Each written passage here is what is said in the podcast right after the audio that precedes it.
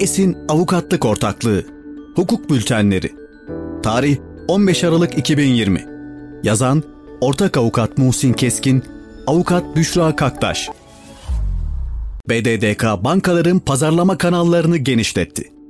Yeni gelişme Bankacılık Düzenleme ve Denetleme Kurumu 11 Aralık 2020 tarihinde bankaların destek hizmeti almalarına ilişkin yönetmelikte değişiklik yaptı.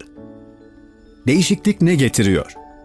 Değişiklik uyarınca banka faaliyetlerinin destek hizmeti alınması yoluyla pazarlanması durumunda söz konusu pazarlama faaliyeti otobayileri ve yetkilendirilmiş ikinci el motorlu araç satıcılarında da gerçekleştirilebilecek.